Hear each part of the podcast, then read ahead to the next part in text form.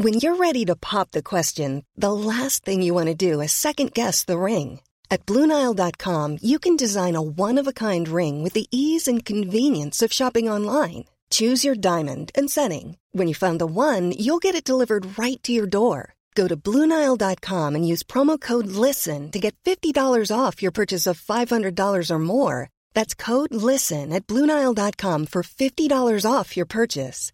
Bluenile.com code LISTEN. Mom deserves the best, and there's no better place to shop for Mother's Day than Whole Foods Market. They're your destination for unbeatable savings, from premium gifts to show-stopping flowers and irresistible desserts. Start by saving 33% with Prime on all body care and candles. Then get a 15-stem bunch of tulips for just $9.99 each with Prime. Round out Mom's menu with festive rosé, irresistible berry chantilly cake, and more special treats. Come celebrate Mother's Day at Whole Foods Market.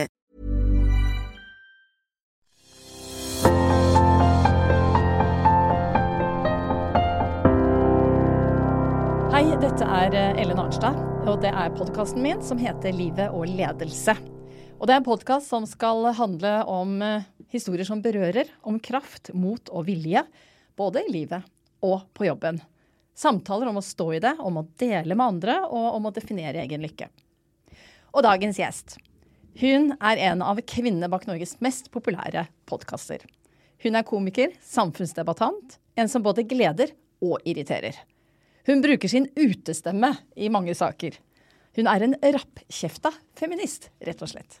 Velkommen, Sigrid Bonde Tusvik. Tusen takk. Podkasten skal jo handle om liv og ledelse, og da begynner vi litt om ledelse. og da tenker jeg eh, Jeg tenkte liksom Hvem hadde du vært som leder? Eh, Jeg hadde vært følsom leder, selvfølgelig. Så, og jeg eh, hadde ikke vært en god lyttende leder. Jeg avbryter. Som en mann, faktisk. Så jeg eh, Men jeg hadde kanskje øvd meg, da, selvfølgelig, gått på disse BI-kursene som dere andre har trøkka i dere. Ikke jeg. så, Har ikke? Jeg har levd liv, livets skole. Åh, det er veldig bra. Nei, eh, da hadde jeg nok sikkert lært meg teknikken og taktikken, da. Har du klart det? Å lære deg det? Eller du kan sikkert litt, da. Jeg satt i hvert fall som toppleder i 25 år, så kanskje fikk jeg til noe. Jo, men eh, man Men- har jo sine eh, lik i skapet som da pipler fram.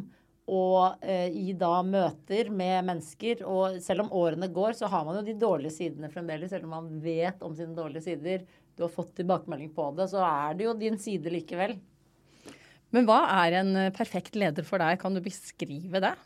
En perfekt leder er en som gir deg full frihet, og som gir deg tid til å tørre å komme med de dårlige ideene.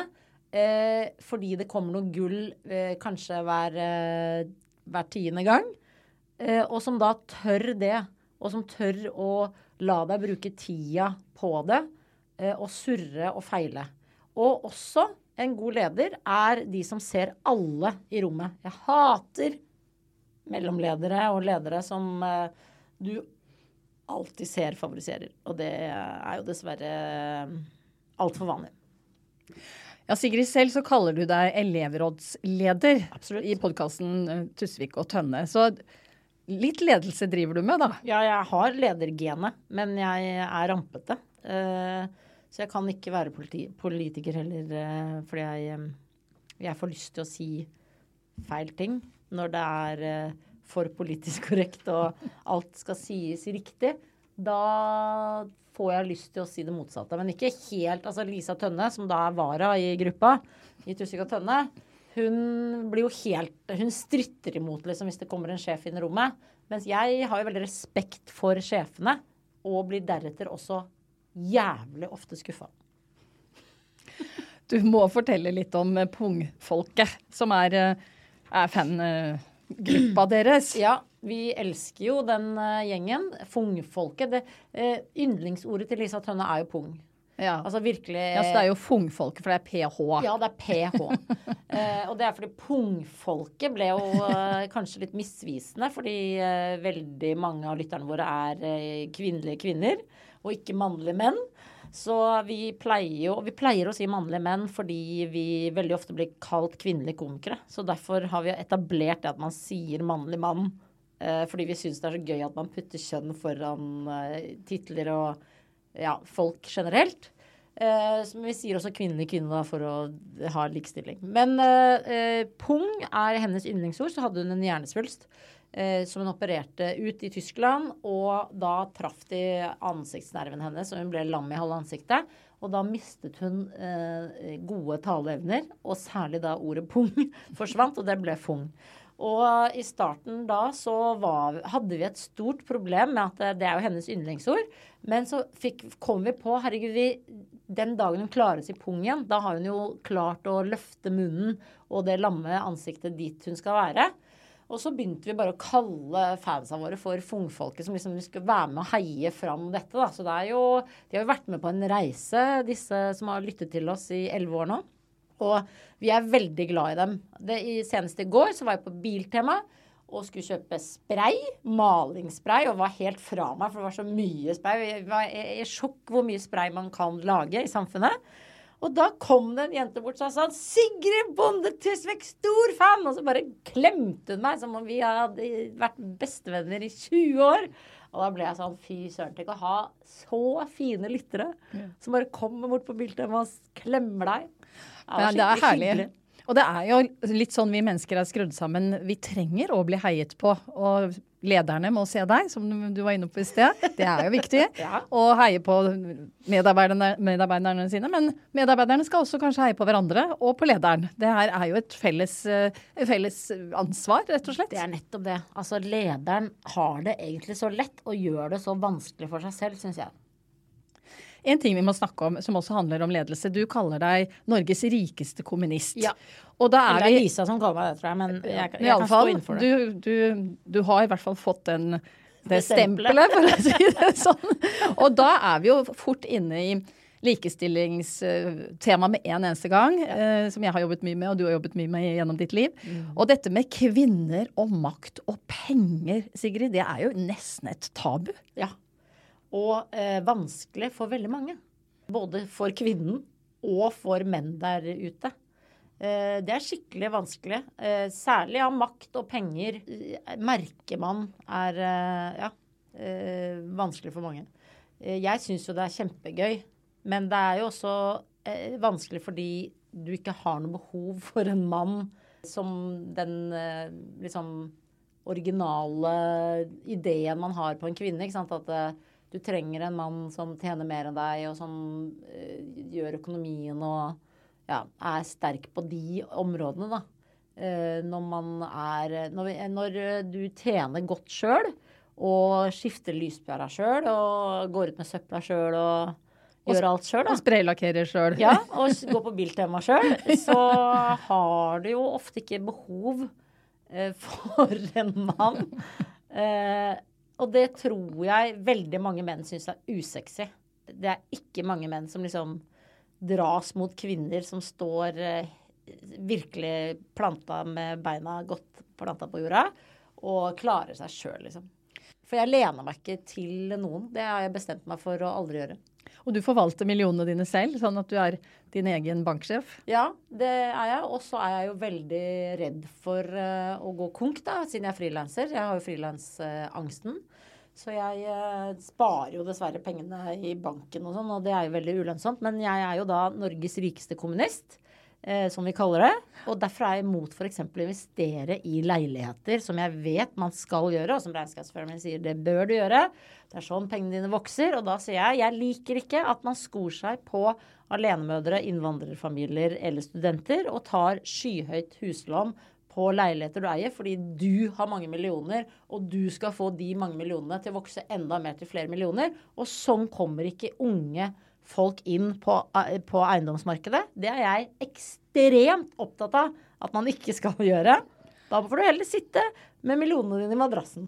Ja, dette er jo virkelig et tema om dagen som snakkes mye om. ja, du... og jeg mener at det syns jeg er merkelig. At ikke voksne, rike mennesker stresser mer på at ikke unge mennesker kommer seg inn på, på eiendomsmarkedet. Nettopp fordi argumentet deres er ja, men det er den eneste måten å få pengene til å vokse. Ja, det er den eneste måten da de unge folka får brukt penger og fått, får livet sitt til også å vokse. Dette er så enkel matte for meg.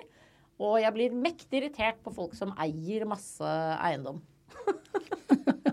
Nå har du fått sagt det ordentlig. Eh, du pleier og ja, Du bruker et uttrykk om å stå opp for seg selv. Eh, eie skammen. Og det er jo også noe som kan brukes i ledelse. Stå opp for seg selv. Være en um, genuin leder og tørre å være kanskje den man er. Mm -hmm. Og hva tenker du om det, det å stå opp for seg selv? Uh, hva kan vi lære av det? Nei, det er jeg veldig fan av.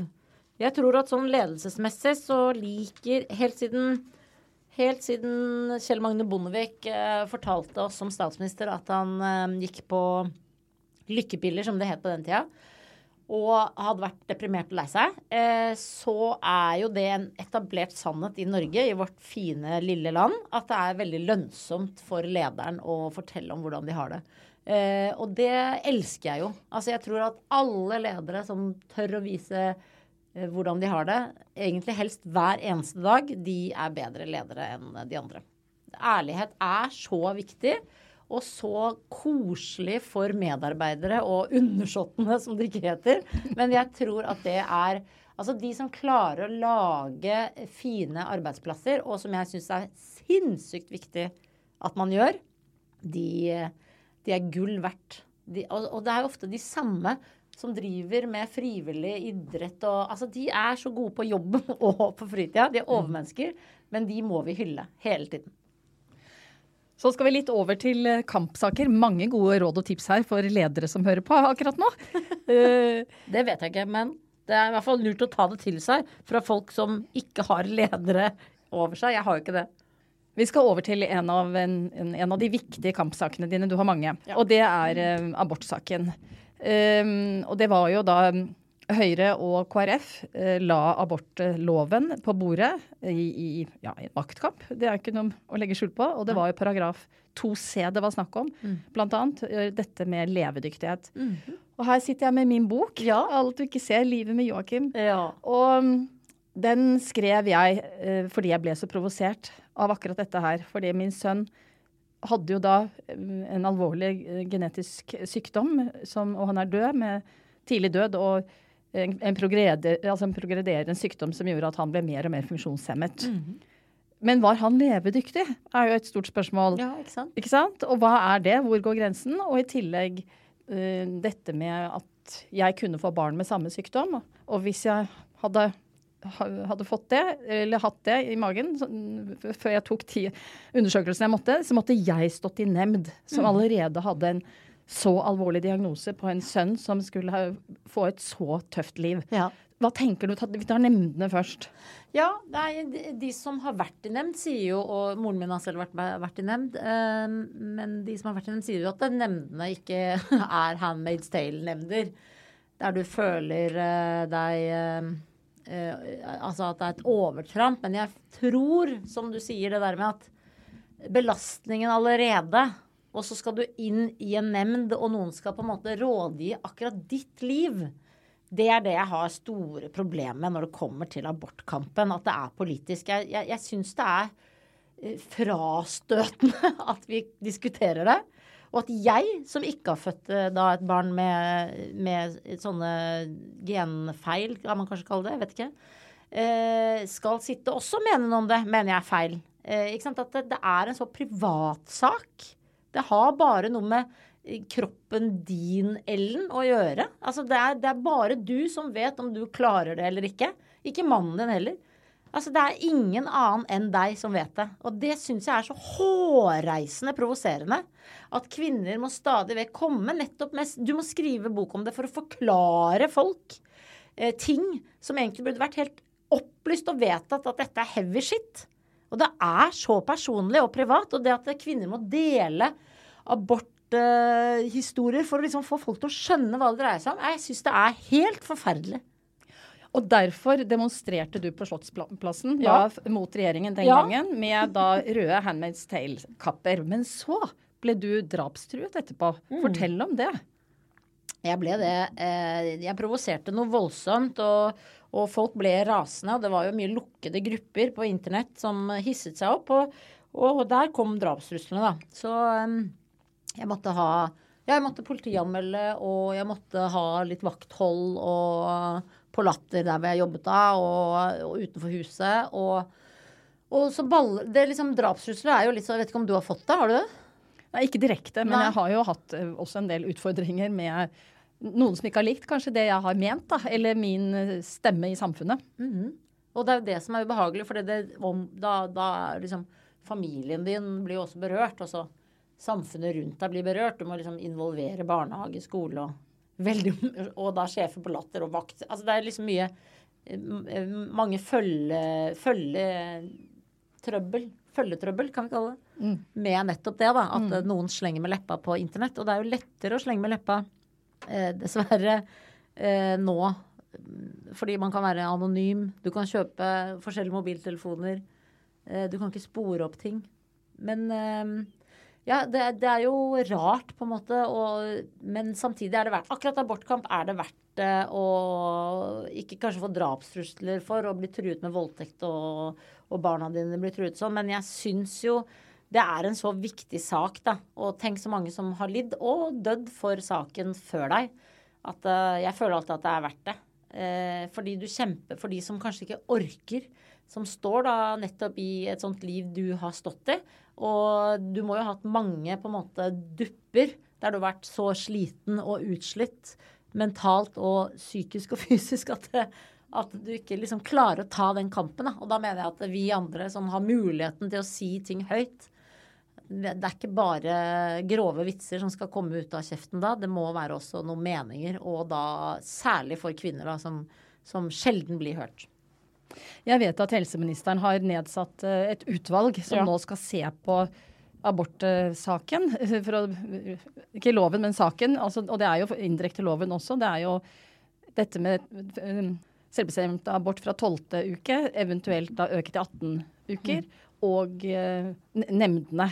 Ja. Um, og, og tenk, kommer du til å gå i tog igjen, eller kommer du til å demonstrere og gjøre noe hvis ikke det skjer noen endringer? Ja, akkurat abortkamp føler jeg er vanvittig viktig. Det er så eh, vanskelig i denne tiden vi lever i, når du ser USA, som er et oppegående demokratisk land som snevrer inn altså da eh, eh, friheten til spesifikt jenter og kvinner. Altså det, det, er så kvinnehat som du kan komme til. Og det samme med Polen og ja, altså veldig mange land som eh, ellers du ser på som land som er eh, like oss. Og det mener jeg er farlig. Og da er det jo i Handmaid's Tale, og jeg fikk jo kjempekritikk av både komikerkollegaer og eh, i media om akkurat det stuntet med Handmaid's Tale. Men jeg vil faktisk påstå at jeg var forut med å få min tid der, eh, Susanne Kalusa og jeg, når vi eh, kjøpte de draktene og sto der ute på Slottsplassen, og folk sa det der syns vi er for drøyt, det der er for drøyt. Det viste seg historisk ettertid det der var ikke for drøyt. Det var to the point, mener jeg. For det er så viktig å kjempe nettopp den lille eh, forandringen. ikke sant? At du begynner å pirke på en abortkamp og en abortlov som har funka i 40 år. Det er så merkelig. Hvorfor skal du drive med det politisk? Jeg fatter det ikke, og jeg syns det er urettferdig overfor kvinner. Og særlig da med kvinnelig statsminister syns jeg det var helt hårreisende. Det er bra at du fortsatt bruker utestemme, ja, for det jeg, trenger vi. Det kan vi ikke ikke skrike høyt om, fordi det, er, det handler om hele verden, mm. og det er kvinner Kvinner tar abort uansett hva slags abortlov du har i landet ditt. Det vet vi. Det er statistisk. Vi vet det, for vi kjenner det. Vi har født barn, du og jeg. Vi vet det. Vi vet hva vi hadde gjort hvis vi måtte ha tatt abort, uansett om det hadde vært i, i eh, Argentina eller i Uganda eller i Thailand. Da går vi over til en veldig viktig sak til, som handler om kvinner uh, over hele verden. Og det er jo metoo-saken.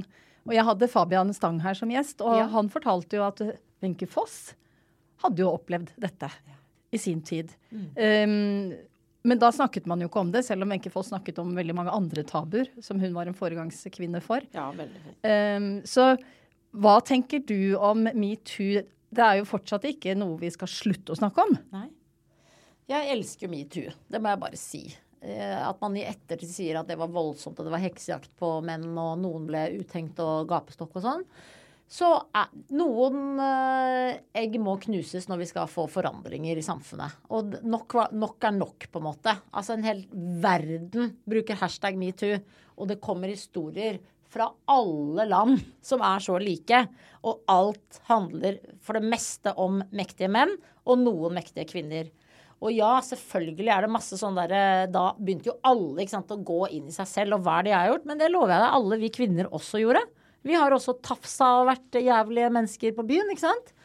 Så det er ikke det det handler om. Det handler om at du skal forandre ting, og særlig da på jobben. At det er så deilig og trygt nå, tror jeg, for veldig mange på arbeidsplasser der man, man, har fått retningslinjer, der man har reglene klare, og der også mannlige kollegaer følger med på de som han alltid sa 'han er bare sånn, det må du tåle'. Man blir helt gal av det. Jeg, altså, det er jo det verste med ledelser som ikke slår hardt ned på ting. Og eh, det er jo ofte de sjarmerende folka ikke sant, som er de som har fått lov å tafse, og derfor er det vanskelig å ta dem. Fordi de er kule å henge med. Og da kan du ikke ta dem, for da veit du at åh, nå, nå, nå, er det den kule gutten i klassen som jeg skal drive og pirke på. Og da blir du så jævlig slått eh, ned på ja, men nå må du tåle det, og slutte å være så sjalu. Og det var det som var deilig med metoo, var jo nettopp at du kunne ta den kuleste gutten i klassen og si nå er vi lei av at du driver og lager det jævla bråket. Og vi er jo lei av den mest bråkete gutten i klassen. Det har vi vært hele livet. Og til slutt så kom metoo og sa bare sånn ja, men nå holder det. Og det var helt fantastisk, vil jeg si. Akkurat sånn som med Black Lives Matters. Altså, du har, du har så mye fantastiske ting med internett som man kan hylle sånn for å pushe verden til et bedre sted. Ja, og metoo er jo, er jo, går jo inn i alle historiebøker. Og det har ikke alltid kvinnehelse gjort, for å si det sånn. Og der har du også sterke meninger. Så nå er vi på Kommer nå er vi på, legg på en tier. Vi er på sterke meninger, og det er jo det som er så spennende med deg, Sigrid. Det må jeg si, som rollemodell, som du virkelig er. Det er jo at du er komiker, og tar også ut en del ting gjennom det talentet ditt. Men så greier du parallelt å snakke seriøst, ordentlig, alvorlig, ekte om alle disse viktige tingene vi er innom nå. Mm. Og det er en uh, kombinasjon da, som jeg, som jeg digger ja, ved deg. Takk. Så kvinnehelse, der mm. er det jo forskningsutfordringer, for å si det mildt. ikke sant? sant? er, mannen er normen, mm og kvinner uh, er ikke det. Og så, Det har man jo visst i mange år, så det er ikke noe nyhet. Hva, skal, skal, vi demonstrere her også? Hva skal vi gjøre her? Altså. Jeg snakket akkurat med en journalist om dette. fordi Hun spurte har dere trampoline i hagen. Så sa jeg nei. Uh, jeg har hoppeslott. Fordi jeg ikke har trampoline. Så da blåser jeg på toppeslott, så må jeg rydde det inn hver kveld. Det er en god trening for rygg og skulder og nakke. Men da sa hun 'jeg hopper du i hoppeslottet? Så sa jeg nei, jeg gjør ikke det. Jeg føler liksom at livmoren detter ut. Eh, det er liksom, det er skranglete der nede etter å ha født to barn. Og masse operasjoner. Så jeg gjør ikke det. Og så snakket vi en del om det. Er det ikke litt rart? Det er liksom at det, hvis du går rundt i hager da, der folk har trampoliner, så står det mye mødre ved siden av den trampolinen. Det er ikke mange mødre som står og hopper med barna på trampoliner, men det er ganske overraskende ganske mange fedre. Og det er fordi mødre tisser på seg. Mens det gjør ikke fedre. Og det er jo litt irriterende at vi godtar som kvinner også. Vi kan godt kjefte litt på oss selv her. Fordi vi sier jo sånn ja ja, men sånn er det etter føding. Så bare godtar vi at vi går og tisser på oss, vi da. Resten av livet er det klar over lenge vi gjør det, eller? Vi går altså da fra ca. 35 års alder, eller 39 nå, da, når vi føder, jeg vet ikke hva som er gjennomsnittet. Men fra 39 til vi dauer, da, så går vi og tisser på oss hele tiden. Og vi kan ikke gjøre ditt, vi kan ikke, gjøre, vi kan ikke sparke en fotball uten at vi må hjem og skifte. Og dette er jo noe av det som er liksom skam og tabu rundt kvinnehelse. Og ja, for jeg tror at menn tror jeg hadde sagt ja, vi kan ikke ha det sånn at alle vi menn etter at vi har fylt 40 tisser på oss når vi skal spille fotball og hoppe trampoline. Jeg tror de hadde tatt tak i det. Og jeg tror Volvat hadde bare kastet uh, seg på og bare 'kom hit', eller altså Og helsevesenet hadde bare sagt sånn Herre min hatt, vi skal jo etter tre uker uh, Hvis du tisser på deg etter uh, så og så mange måneder etter fødsel, så er det bare å Da fester vi deg opp igjen, kjære kvinne. Det er min drøm, da. Veldig bra. Veldig bra. Og det er jo kvinnehelsen. ikke sant? Det, der at vi ikke, vi, vi, det er jo kjempebra at vi fokuserer på det nå. Det er jo helt absurd at vi liksom Ja, vi godtar mye, da, vi kvinner. Fordi vi har så mye jævlig mye annet å gjøre. Ikke sant? Du, du ofrer deg for barna dine, og du er leder. Eh, du gidder jo ikke å bry deg om om du tisser på deg da. Litt. Fordi du sparker en ball. Det er jo veldig fint i, i lys av, av, av at det tross alt har vært ganske mye debatt rundt kvinnehelse. Og så er det veldig mye som ikke er løst. Men at endomet, det er et ord vi nesten ikke greier å si, men endometriose Ja. er jo da mange kvinner som har våget å stå frem med, og det har også vært litt sånn skjult. Skam, ikke snakke om det. Det er jo livmoren, dette også. um, og vi er jo litt der, Sigrid, og også den rollen du har, som jeg mener som samfunnsstemme, da, at noen må si fra. Noen må fortelle om et alvorlig sykt barn, som jeg gjorde i min bok. Det er Noen helt få- fantastisk at du gjør. Tusen takk. Ja. Og, og det er jo for også helsevesenet at det er pårørende, mange pårørende som uh, sliter Mhm. og strever. Um, og det å uh, Og det å Masse ting som der? Du blir prosjektleder for ditt eget barn. Ikke sant? Det Det, er er jo et område som er, er tabu, egentlig, og som ikke alle greier. Og så er det andre skamhistorier. Mhm. Hva tenker du som kvinne går med nå den dag i dag? Ja. ja, jeg er veldig fan av å få skammen eh, ut da og opp og fram. Og det er jo egentlig på en måte grunnmuren til Tusvik og Tønne er jo nettopp det at Lisa og jeg er to frittalende komikere. Som vi alltid har sagt at vi er. Det er liksom undertittelen vår. Eh, Et sted må vi få tømme oss, og det er i Tusvik og Tønne. Og det har vi prøvd å lære særlig da unge jenter som hører på. At du må tørre å få skammen ut i lyset, og så sprekker skammen. Og det er helt naturlig å skamme seg gjennom livet hele tiden. Og jeg og Lisa også gjør det hele tiden. Men vi tør på en måte å drite oss selv ut og snakke høyt om den skammen. Ikke sant? Vi snakker om Lisa sine hemoroider. Vi snakker om at jeg bæsjer på meg etter eh, fødselsskaden. Altså, vi snakker høyt om våre store problemer for at det bare blir naturlig. Og så kan jo folk si æsj, jeg orker ikke å høre om sånne ting. Jeg syns det er så slitsomt, jeg syns det er vulgært, jeg syns det er drøyt, jeg syns det er privat. Ikke sant? Det får man ofte vite. Eh, Eller høre, da. Ready to pop the? The jewelers at BlueNile.com have got sparkle down to a science with beautiful lab grown diamonds worthy of your most brilliant moments. Their lab grown diamonds are independently graded and guaranteed identical to natural diamonds, and they're ready to ship to your door. Go to BlueNile.com and use promo code LISTEN to get $50 off your purchase of $500 or more. That's code LISTEN at BlueNile.com for $50 off. BlueNile.com code LISTEN. Everyone knows therapy is great for solving problems, but getting therapy has its own problems too, like finding the right therapist, fitting into their schedule, and of course, the cost. Well, BetterHelp can solve those problems. It's totally online and built around your schedule. It's surprisingly affordable too. Connect with a credentialed therapist by phone, video, or online chat, all from the comfort of your home. Visit betterhelp.com to learn more and save 10% on your first month. That's BetterHelp H E L P. Men det kan vi ikke bry oss noe om, fordi jeg tror at det er altfor mange folk, både kvinner og menn, som skammer seg der ute for så mange ting. Både barndom, eh, foreldreskap og altså så mye de skammer seg over. Og som de tør ikke å snakke om. Og så får man alltid beskjed 'Hvorfor sa du ikke fra? Jeg har også hatt det sånn.' Ikke sant? Altså, det er så lett idet du begynner å dele, da, så kommer parallellhistoriene og andre som har det likt. Og så kunne du fått hjelp så mye lenger før, da. Og det er jo også med psykisk sykdom, ikke sant. At du, du holder ting inne. Og jeg skjønner jo på en måte at det er vanskelig nettopp når du er psykisk syk, at du ikke får det til å si det høyt. Fordi det er så skamfullt. Og det er Du føler at det er bare deg, og at du er gal inni hodet. Men eh, trikset som vi andre prøver å si, er si det høyt, si det høyt, si det høyt. Og vi kan ikke si det oftere, vi som da ikke er kjempelei oss, f.eks. Så jeg heier veldig på det at i hvert fall noen av oss gidder å hele tiden mase om denne eh, skamløsheten vår, da. Den eh, ja, kontrasten mellom eh, den private deg, Sigrid, og eh, den personlige, da. Eh, For du er jo personlig i veldig mye av det du gjør. Ja. Eh, Men hvem er den private Sigrid i det bildet her? Jeg er nok litt stillere, kanskje. Eh, ikke så rappkjefta. så er jeg um, uh, Ja, jeg er nok uh, latere kanskje enn jeg, Eller jeg er liksom effektiv, men, men lat. sånn i Altså sånn Hva er det til mat i dag? I dag blir det bare Grandiosa. Altså at jeg kan være litt lat der. Men jeg, jeg prøver å velge liksom de tingene jeg skal bruke mye tid på. For jeg er, veldig, jeg er jo veldig glad i å bare henge med barna, for.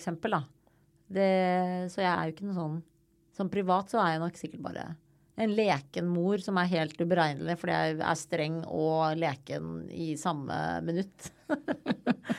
Men jeg tror de takler meg for det. De har skjønt hvem jeg er, liksom. De vet godt hvem jeg er. Dette med etiske grenser, Sigrid. Uh, dere snakker jo mye. Mm. Uh, og det har jo vært noen debatter også om dere, de temaene dere har tatt opp. Ja. Uh, som kanskje også har uh, påført andre smerter, eller i hvert fall vært litt outing av personer. Jeg skal mm. ikke nevne navn her. Men hva tenker du om den etiske grenseoppgangene? Komikeren er på en måte litt sånn beskyttet, for å bruke et sånt uttrykk. Ja. Uh, og, eh, men samtidig så er det den balansegangen mellom komikerne mm -hmm. og deg som komiker og eh, privatlivets fred, da. Nå har jeg jobbet masse med etikkarbeid, for jeg har sittet i Pressens faglige utvalg. så jeg er veldig skummel. har du noen tanker om det? Ja, jeg er jo da veldig fan av uh, det. Å snakke fritt. Uh, jeg er nok da jeg er jo fan av engelsk humor, f.eks., som er ganske sånn roastete og drøy og gøyal på i hvert fall offentlige personers bekostning. Eh, I Norge er vi jo veldig snille, syns jeg. Altfor snille. Med i hvert fall politikerne våre, statsministeren vår, alltid. Eh, sikkert fordi vi er så få i landet, så man føler liksom at statsministeren er naboen, selv om de nå bor i et sånt stort, flott hus Eh, bak Slottet. Men jeg, eh, jeg, er veldig fan av å henge folk ut. Både de rundt meg og øh, øh, ja, offentlige personer. Men jeg øh, føler alltid at hvis, liksom, hvis jeg merker sånn Dette skal jeg aldri si til noen, så gjør jeg ikke det. Men jeg er jo, som pappa sier, tett som en sil. Altså, jeg klarer ikke å holde på hemmeligheter. Og jeg klarer heller ikke å se hva folk tror, mener er en hemmelighet. da. Eller sånn, det syns jeg ikke du skal fortelle om meg. Da tenker jeg hæ, hvorfor ikke? Det, du er åpenbart et sånt menneske, eller vet du ikke hvem du er? Altså jeg blir helt uh, ofte satt ut. Så jeg er nok um, uh, Jeg er dårlig på å lese rommet, rett og slett. Og det er jo uh, en ulempe, fordi nettopp sånn PFU-messig så er jo ikke den hyggelig for de rundt. Men komikermessig en gave. Altså, og standup-komikere, vi står jo på klubbscener og henger folk ut, på en måte. Og det elsker jo også publikum i klubben, i den lukkede klubben. Ikke sant? At du spør de på første rad er dere på date, og så får de kjørt seg. Og de som har satt seg på første raden, vil jo få kjørt seg. De vet jo at å, nå skal vi bli pekt på og tullet med om yrke og kjærester og alt mulig. Så jeg tror folk tåler det egentlig. Men så kommer det kanskje Når det kommer kronikker, og du leser det på trykk, så ser det jo helt vanvittig forferdelig ut. Men muntlig, som er på en måte det jeg egentlig driver med, da, muntlig avlevering, da er det Da ser du jo smilet, eller du hører sarkasmen eller ironien. Mens det gjør du dessverre ikke på trykk. Da, da blir det kjempehardt når ting blir tatt ut av kontekst, og det bare står de setningene eh, på svart-hvitt. Blir du såret av det? ja. Kjempesåret og langsint. Jeg mm. gjemmer det i hjertet mitt, og jeg blir svært overrasket hver gang eh, folk blir eh, rasende. Jeg mener alltid at eh, hvis jeg har sagt noe, så har jeg egentlig rett. Fordi jeg følger alltid magefølelsen. Så jeg tenker ja, men jeg har rett. Jeg har rett selv om jeg er enig i at det var drøyt sagt. Jeg er enig i at det hang den personen ut, men jeg har rett. Dette med krenkersamfunnet, du kaller det krenkorama. ja, det er jo mye krenkorama og mye mm. krenkelser der ute, da. Mm. Jeg, jeg syns det er overraskende mye folk, hårsåre folk. eh, Og jeg eh, prøver å lære barna mine at ting ikke er så nøye. Og vi kaller jo oss for dobbeltmoralens voktere i podkasten fordi vi prøver å lære folk der ute at den ene uka så går du hardt ut og sier det om den personen, og neste uke så elsker du den personen. Så vi f.eks. leste jo Aftenposten at du hadde sagt at du hørte på Tusvik og Tønne, og jeg tipper at vi har snakka masse dritt om deg før, kanskje? Slengt et eller annet med leppa. Vi har vært på Se og Hør kjendisgalla. Der har sikkert du vært, og vi har kommentert sikkert noen greier. Så jeg tenkte sånn Herregud, Ellen Arnstad hører på podkasten! Hva er det vi har sagt om henne? Det er litt sånn når man har vært toppleder i så mange år som jeg har vært, så får man en litt sånn Du får litt elefanthud. Ja, Ikke sant? Fordi, du, fordi du, du ser også forskjellen på hva er stort og hva er lite. Og Ja. jeg har mye selvironi. Jeg har alltid hatt det. Det. Så Tårnfrid og, tok jeg jo bare imot og syntes var helt fantastisk. Ja, ja. Um, og det var jo et, en samfunns... i, ja, i, i feminismedebatten på millenniumsskiftet, Mm. og disse karrierekvinnene som løper fort. Og det har jeg gjort. Og. Gucci-feminist ble jeg på en måte. Ja. Og, så jeg har levd godt med de stemplene. Og jeg tror det er veldig viktig at kvinner at vi har også selvironien mm. uh, i alt som er al alvorlig i livet, og alt som kan være krevende når du er leder og toppleder, og krevende også kanskje på, på familiefronten. Um, men um, Og der tror jeg du og jeg er veldig like, fordi vi er jo jålete uh, og har sterke meninger. På en måte, og mener noe og har lyst til å drive med nettopp karriere. Og jeg mener jo at eh, Jeg tipper at du har selv, selvironi fordi du vet hvem du er hjemme. Du vet hvem du er som mor og som, eh, som kone og som venn. Og da tåler man det mye mer. Mens hvis du er skjør der, da, eller hvis du ikke vet kanskje, eller eh, ikke er så sterk der Men jeg vet at jeg er en god mor. Jeg vet at jeg er en fantastisk kjæreste. Altså, jeg vet det. Jeg, kjenner det. Gjør ikke du òg? jo da, absolutt. Jeg kan man, feile og drite meg ut, selvfølgelig. Det er ikke sånn at ja jeg da, er for vi gjør jo feil. Ja, ja. Det gjør vi jo. Men jeg vet på Det er derfor jeg kan tulle med at jeg er et ræva menneske. Fordi jeg vet at ja, men der hvor det virkelig butter, der, der gjør jeg det riktig. Håper jeg. men det tror jeg, jeg tror det er der selvironien kommer, da. At eh, man ikke er hårsår. Derfor kan folk tulle med deg og si ja, men du er jo sånn, du er jo sånn. Og så vet man jo da ja ja, det er, du kan godt eh, oppfatte meg eh, at jeg er sånn, men jeg vet hvem jeg er. Og det tror jeg er veldig viktig. Det er særlig for ledere, da, å vite hvem de er. Både positive og negative sider. Feminismedebatten og der vi står nå. Det er jo ikke så lenge siden 8. mars. Um, og jeg ledet en stor, uh, et stort arrangement, en konferanse den dagen. Og da masse sterke damer og i alle typer aldre. Um, og vi det, vi det, var liksom rykk tilbake til start. Tematikk. Kvinner i styrerommene som ikke er der. Ja. Um, liksom, selv om man rekker opp hånda og jobber som et svin og gjør virkelig alt man kan for å skape en god arbeidsplass eller ja, også bli sett, da. Og da må man jo ofte bli sett av en mann med makt. Ja. Sånn er det bare. Ja. Hva er de viktigste sakene nå, og særlig for den unge generasjonen? Jeg tenker jo nettopp det. At vi er på vei i riktig retning. Nettopp i lys av kjønnsdebatten. At vi driver nå og venner oss til å bruke hen. At vi har en eh, barnegenerasjon som er vokst opp med NRK Super, som da har stort mangfold, og også da, ikke sant, der er eh, ja, transdebatten også. At vi har eh, Det viskes ut. Og det tror jeg lønner seg så vanvittig for kvinnekampen og for likestillingen. Nettopp at det liksom ikke er så viktig om du er mann eller om du er kvinne. Eh, at guttastemningen er på en måte på vei ned. Og også den derre ekle kvinnegruppa som også er like kjip som guttastemningen, føler jeg. Den baksnakkegreien, den mugne stemningen. Det at en kvinne kan komme inn i rommet og lage en jævlig dårlig stemning. Det, det er på en måte motsatt av guttastemningen, men, men et like stort problem, tror jeg, på arbeidsplasser. Så jeg tenker at det er eh, bra for den kommende generasjonen ledere og de som skal inn i arbeidslivet. Nettopp at vi visker ut eh, kjønnene, sånn at det ikke er så viktig å, eh, om du er mann eller kvinne. Og også at du får inn det mangfoldet, da. At vi er flinke på det. Og jeg var jo også ledet en veldig fin eh, eh, dag med hopplandslaget eh, 8. mars. Og det er jo det eneste landslaget som er kjønnsnøytralt. Der de samarbeider, kvinner og menn, med trenere, og treningstid. Og de får mye mer penger da, det lille de har. For hopplandslaget er jo et lite miljø. Men de har sant, store stjerner både, både da på herresiden og kvinnesiden. Og så er det det Vi var på et hotell da ute på Fornebu der de har bevisst ansatt folk med, med da funksjonsnedsettelse Eh, folk som er tidligere rusavhengige. Altså det er så viktig at man gidder.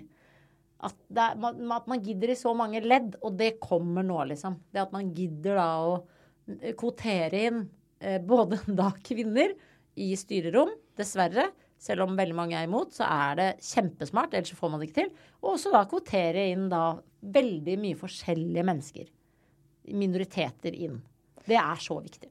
Ja, du også har vært opptatt av uh, dette med flerkulturell sammensetning. Korpset ditt. Ja, Korps United. Det er jo et helt fantastisk Mitt prosjekt. Jeg blir helt uh, ja. gråten når jeg snakker om ja, det. Ja, få høre litt mer om det. Uh, ja, det var jo en idé egentlig som kom fra at vi hadde den flyktningkrisa der folk syklet over Storskog, som jeg syns var helt uh, forferdelig. Det skaker meg, denne um, flyktningkrisen som vi fremdeles er i der folk med barn, og altså særlig menn, da liksom kjemper seg gjennom til fots for frihet, og så skal kvinner og barn komme etter.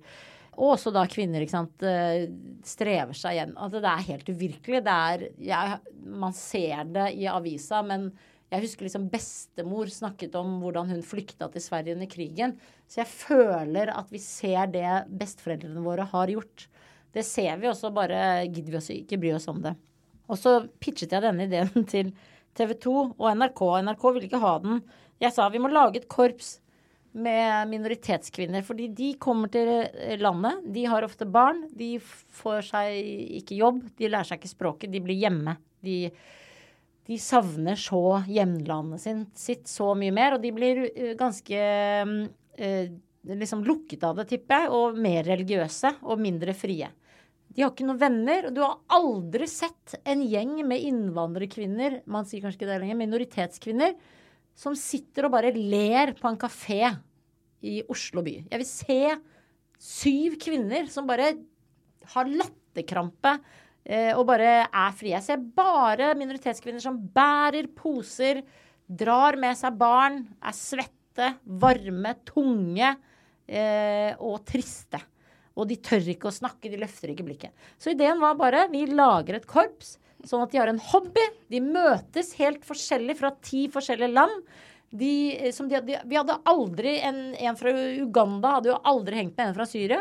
Og eh, vi eh, Målet er å spille foran Slottet 17. mai, som vi fikk til. Og eh, hele poenget er musikk er eh, et internasjonalt språk. Du trenger ikke være god i norsk. Eh, og du må ikke kunne spille fra før av. Og du, du, skal bare samles og ha det sosialt. Og det er det du skal gjøre. To ganger i uka. Og det er altså Ja, det er de fineste. ja, jeg blir helt rørt. Ja, men det er en fantastisk prosjekt. Ja, de er så fine, de ti kvinnene. Og så løftet de meg sånn Jeg trodde aldri jeg skulle lære så mye av så forskjellige mennesker. Jeg hadde aldri hengt noen gang med disse kvinnene noen gang i livet ellers. Mm. Og det er nettopp det med mangfold. ikke sant? At du får inn folk du aldri hadde giddet å prate med på jobben. Hvis man får det inn, fy fader som det løfter livet ditt personlig. personlig. Jeg tror du skulle vært politiker, jeg, Sigrid. det går ikke. Jeg sier for mye drøyt. Vi må snakke litt også om eh, andre deler av livet som har vært vanskelig for deg. Ja. Eh, jeg leser jo dine kronikker i Dagsavisen med Ja, syns det er veldig både godt skrevet, alltid Satt litt på spissen, men da står sakene også ofte best. Ja, det er sant. Uh, og du skriver denne eh, kronikken om, om, sorg og din livskrise, og her ja. skriver du 'Sorg er altoppslukende'. Den er stor som en elv i starten, til det ender opp i savn og vemod. Noen er i sorg hele livet. Andre lever og le lærer å leve med det. Men det har rørt noe ved meg å høre om alt dette folk har båret og fremdeles bærer på så mange hemmeligheter og vonde tanker, så lite åpenhet rundt det. Mm. Hva vil du si om den livskrisen din?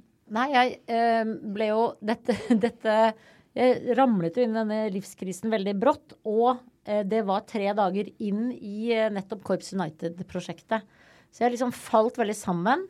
Og så holdt disse ti kvinnene meg veldig oppe nettopp med å møte andre med sine kriser. Da møter du Rahaf, som har sittet i båt over Middelhavet med sin tre år gamle datter. Liksom gjort det farligste du kan gjøre i Europa eh, for å gi henne en bedre framtid. Og eh, ja, og det å eh, møte da ikke sant, Når du uttalt sier at du er i en livskrise, så kom det altså så mye historier og så mye triste ting og folk som bar med seg så mye fælt. Og ja, jeg blir veldig rørt når du også snakker om det offentlig.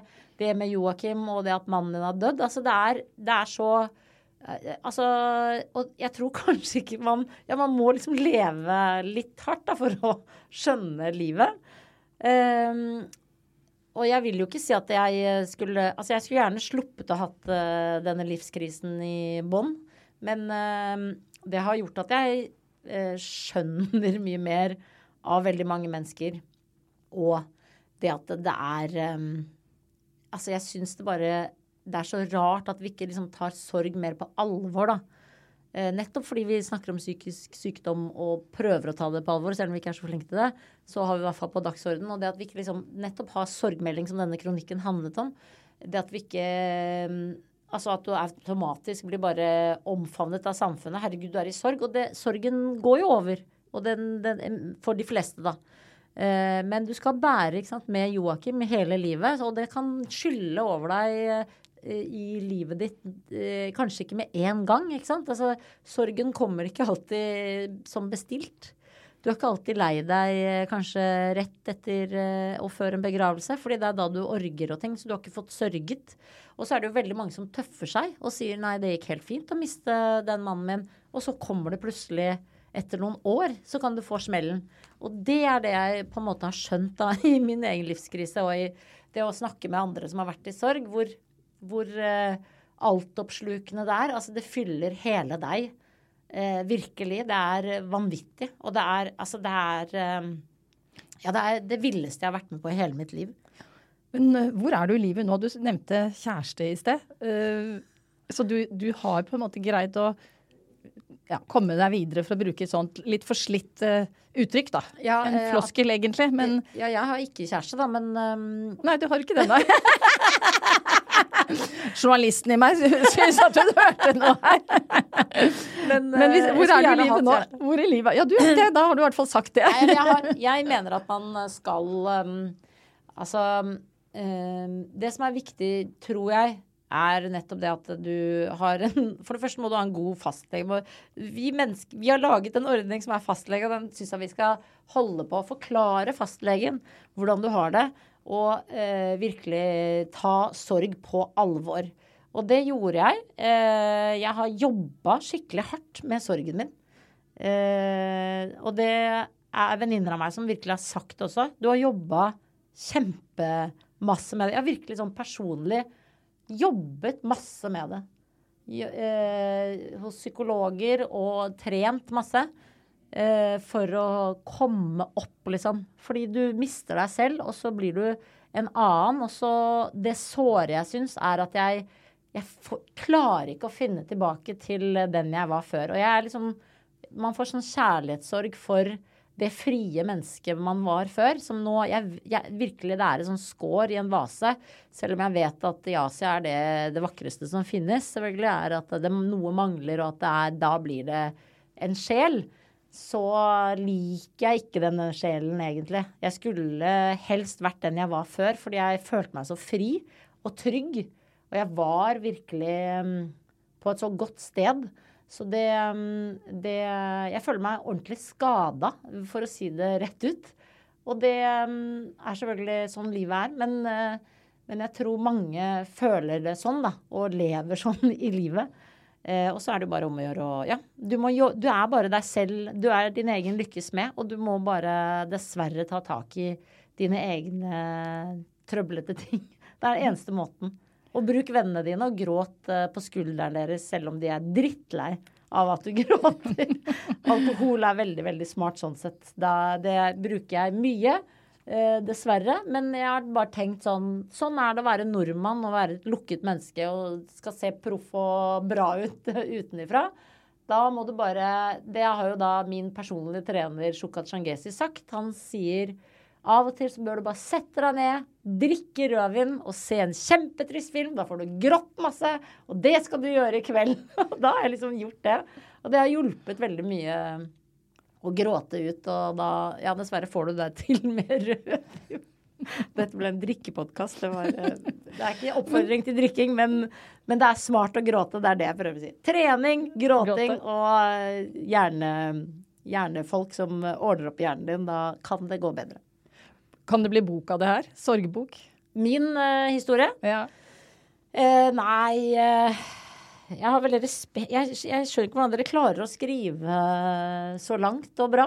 jeg, bare, jeg, tør ikke skrive i egen bok som er så personlig. Jeg burde kanskje gjøre det. Ja, det syns jeg du skal tenke på. Det blir en Hvor... skandalebok. En skandalebok.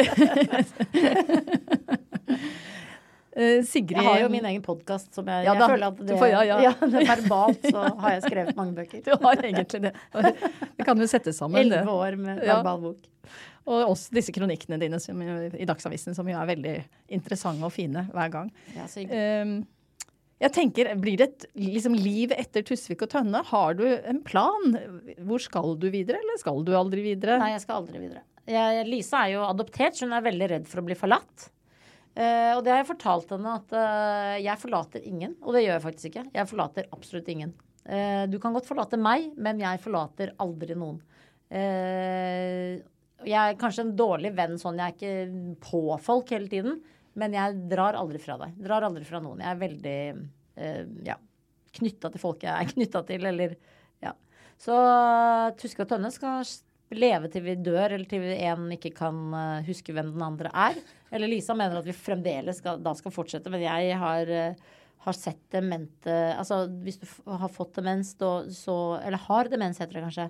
Så uh, tror jeg det er lurt å ikke lage podkast.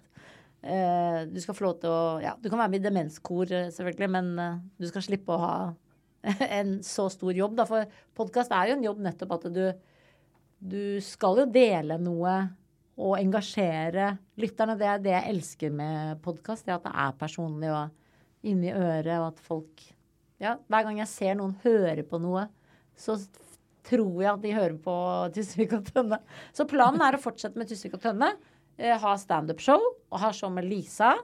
Og uh, ja, til slutt kanskje skrive en skandalesorgbok.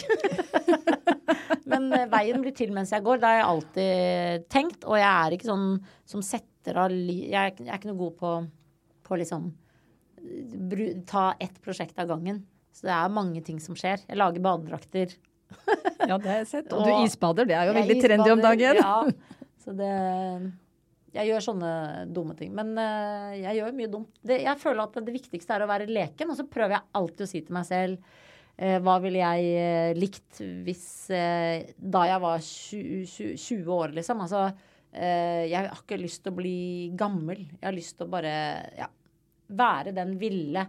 Fordi du blir til slutt glad i Mette-Marit, selv om du har parodiert henne og vært hardt ut og sagt at du er republikaner. Så så, så, endte jo korpset mitt f.eks. på Skaugum, der vi alle satt og gråt og holdt rundt, rundt kronprinsessen og, og hverandre. Eh, og da må jeg minne meg selv på Husk at du er rebell, og at du i 20-åra ville, ville du elsket at du både kan klemme, men også sparke fra deg i alle kanter. Så jeg prøver liksom å huske på det. da. Jeg vil ikke bli voksen. Derfor skal jeg ikke bli en leder. Umoden leder, det er vanskelig. Det var en fantastisk avslutning og med en veldig rød tråd når vi begynte å snakke om eh, hvorfor du ikke vil være leder, eller skal være leder, for det har du jo sagt klart for deg selv. Eh, tusen takk for eh, åpenheten din, for den rebellen du er. Den utestemmen skal du fortsette å ha, eh, kombinert med det varme hjertet ditt eh, og det du gjør for også svake grupper i samfunnet, og de kampsakene som handler om kvinner. Der kommer jeg alltid til å heie på deg. Så takk. Tusen takk at du var min gjest eh, i Livet og ledelse, Sigrid Bonde Tusvik. Takk for at jeg fikk komme. Hey, it's Danny Pellegrino from Everything Iconic. Ready to upgrade your style game without blowing your budget? Check out Quince. They've got all the good stuff shirts and polos, activewear, and fine leather goods, all at 50 to 80% less than other high end brands. And the best part? They're all about safe, ethical, and responsible manufacturing. Get that luxury vibe without the luxury price tag. Hit up quince.com slash upgrade for free shipping and 365 day returns on your next order. That's quince.com slash upgrade. Mom deserves the best, and there's no better place to shop for Mother's Day than Whole Foods Market. They're your destination for unbeatable savings, from premium gifts to show-stopping flowers and irresistible desserts. Start by saving 33% with Prime on all body care and candles. Then get a 15-stem bunch of tulips for just $9.99 each with Prime. Round out Mom's menu with festive rosé, irresistible berry chantilly cake, and more special treats. Come celebrate Mother's Day at Whole Foods Market. Takk for at du lytter på Liv og ledelse. Jeg setter pris på om du vil gi den stjernerating eller kommentarer i Apple Podkast. Har du innspill til gjester du ønsker jeg skal invitere, så hører jeg gjerne fra deg. Sjekk ut Instagram-kontoen Liv og ledelse, og følg oss gjerne der. Du kan trykke følg eller abonnere på denne podkasten i den podkastspilleren du bruker. Vi høres! En podkast fra Storypeople.